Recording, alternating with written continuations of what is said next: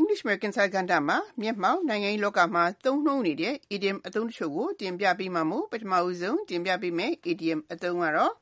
mend fences ဖြစ်ပါတယ်စာလုံးပေါင်းက M E N D mend ကပြက်တာကို ပြန်ပြင်းတာ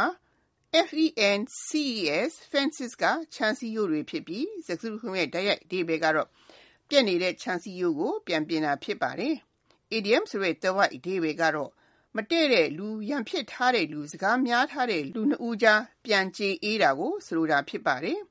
နှစ်နိုင်ငံကြားဆက်ဆံရေးပြန်ကောင်းလာအောင်လုပ်တာငြိမ်းချမ်းရေးရအောင်လုပ်တာကျမတို့မြန်မာစကားရဆိုရင်တော့အတိတ်ကဖြစ်ပျက်ခဲ့တဲ့အခဲမကြေမှုတွေကိုတင်ပုံးချေတာယုံကြည်မှုပြန်တိဆောက်တာမျိုးလို့ဆိုနိုင်ပါတယ်ဒီအသုံးကိုမကြာသေးမီကသူ့ရဲ့ဥရောပခီးစဉ်တွင် American သမ္မတ Donald Trump က Brussels မှာရောက်ရှိစဉ် NATO မဟာမိတ်အဖွဲ့ဝင်တွေကို စစ်အသုံးစရိတ်နဲ့ ပတ်သက်လို့ ဝေဖန်တာ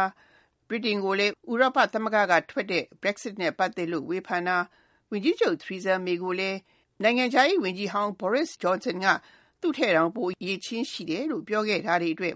နိုင်ငံခေါင်းဆောင်ကြားဖုထစ်တွေ ရှိခဲ့ရမှာ Trump ဗြိတိန်ကို သွားရောက်လည်ပတ်ချိန်မှာတော့ သူတို့နှစ်ဦးကြား ဆက်ဆံရေး ပြန်ပြည်လည်စေဖို့ ကြိုးပမ်းခဲ့တဲ့အတွက်ကြောင့် Christian Today သတင်းစာကြီးက Trump and May struggle to mend fences after president's attack ဆိုတဲ့ခေါင်းကြီးနဲ့ရေးသားခဲ့တာဖြစ်ပါတယ်။ဒီသုံးနဲ့ပတ်သက်တဲ့ George Groby ရဲ့ဥပမာကိုလေ့လာကြည့်ကြရအောင်ပါ။ Mary and her friend are trying to mend their fences after their big fight. Mary နဲ့သူ့တငယ်ချင်းကြားအကြီးအကျယ်ရန်ဖြစ်ခဲ့ပြီးတဲ့နောက်ကြေအေးဖို့ကြိုးစားနေကြတယ်လို့အဓိပ္ပာယ်ရပါတယ်။ဥပမာကိုနောက်တစ်ခေါက်လေ့လာကြည့်ကြရအောင်ပါ။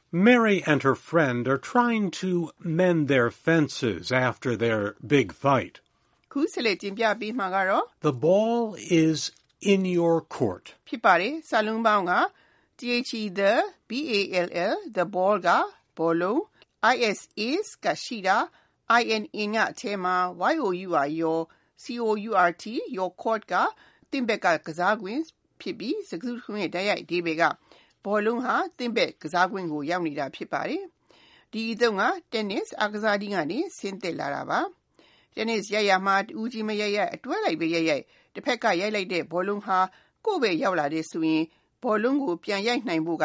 ဘောလုံးရောက်နေတဲ့ဘက်မှာကျနေတဲ့ tennis အားကစားသမားရဲ့တာဝန်ပဲဖြစ်ပါတယ်။ idiom ဆိုတဲ့သွယ်ဝိုက်အဓိပ္ပာယ်ကတော့နေ့စဉ်ဘဝမှာတစ်ဖက်ဖက်ကတစ်ခုခုလုပ်ပေးလိုက်ပြီးဆိုရင်ရှေ့ဆက်နိုင်ဖို့က ကျန်တစ်ဖက်ကကိုကျတဲ့တာဝန်ကိုယူနိုင်ရမယ့်သဘောမျိုးဖြစ်ပါတယ်။တနည်းတော့ကိုယ့်ဘက်ကလှုပ်ပေးလိုက်ပြီးအလုပ်ဖြစ်ဖို့တုံ့ပြန်ဖို့ကတစ်ဖက်ရဲ့အလှည့်ကျပြီးဆိုတာပါပဲ။ဒီအသုံးကို American သမ္မတ Donald Trump နဲ့ Russia သမ္မတ Vladimir Putin တို့ Helsinki မှာတွေ့ဆုံကြပြီးသတင်းစာရှင်းလင်းပွဲကျင်းပရာမှာကမ္ဘာ့ဖလားဘောလုံးပွဲကိုအောင်မြင်စွာကျင်းပနိုင်တဲ့ပေါ်ရုရှားကိုသမ္မတ Trump ကချီးကျူးခဲ့ရမှာပူတင်ကလည်းအမှတ်တရအဖြစ်ကမ္ဘာ့ ဖလားဘောလုံးတစ်လုံးကိုပြဆောင်ပေးရင်းနဲ့ The ball is in your court ဆိုပြီးပြောခဲ့တာဖြစ်ပါတယ်။သူဆိုလိုတာကတော့2026ခုနှစ်မှာအမေရိကန်မှာကမ္ဘာ့ဖလားဘောလုံးပွဲကျင်းပမှာမို့အောင်မြင်အောင်လှုပ်ဆောင်ဖို့ကအမေရိကန်ရဲ့အလှည့်ကျပြီဆိုတာပဲဖြစ်ပါတယ်။ဒါကြောင့်ဒီသုံးနှစ်ပတ်သက်လို့ Fox News သတင်းစာမှာ Putin gives Trump a World Cup soccer ball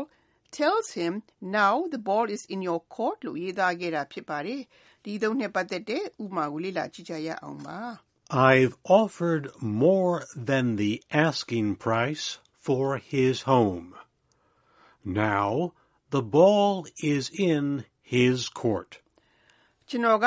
သူ့အိမ်အတွက်သူတောင်းတဲ့ဈေးတဲ့ပိုပြီးကန့်လန့်ထားတယ်။ကျွန်တော်ကန့်လန့်ချက်ကိုတုံ့ပြန်ဖို့ကတော့သူ့တာဝန်ဖြစ်တယ်လို့အဓိပ္ပာယ်ရပါတယ်။ဥပမာကိုနောက်တစ်ခေါက်လေ့လာကြည့်ကြရအောင်ပါ။ I've offered more than the asking price for his home. Now the ball is in his court. ခုနောက်ဆုံးတင်ပြပေးမှာကတော့ come out swinging ဖြစ်ပါတယ်စာလုံးပေါင်းက come come out out come out ကအပြင်ကိုထွက်လာတာ swing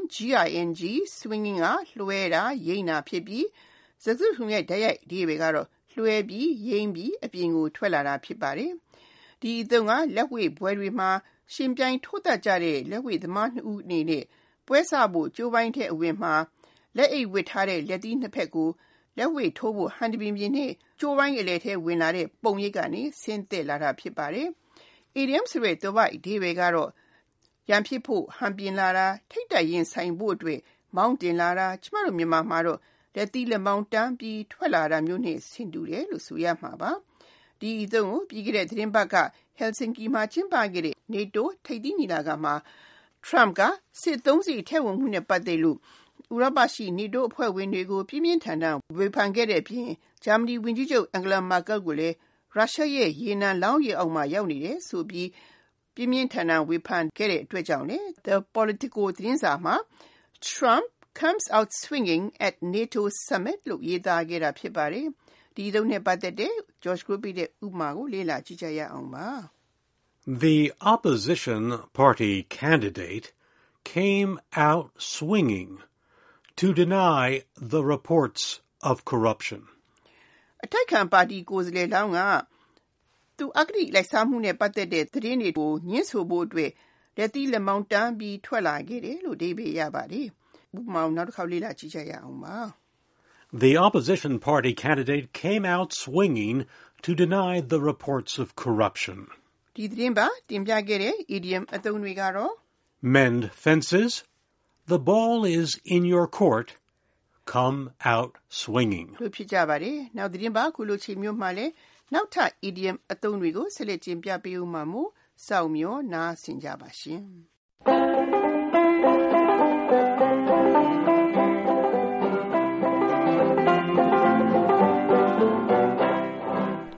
ဒီကနေ့မနေ့တင်ပြမယ် idiom အသုံးက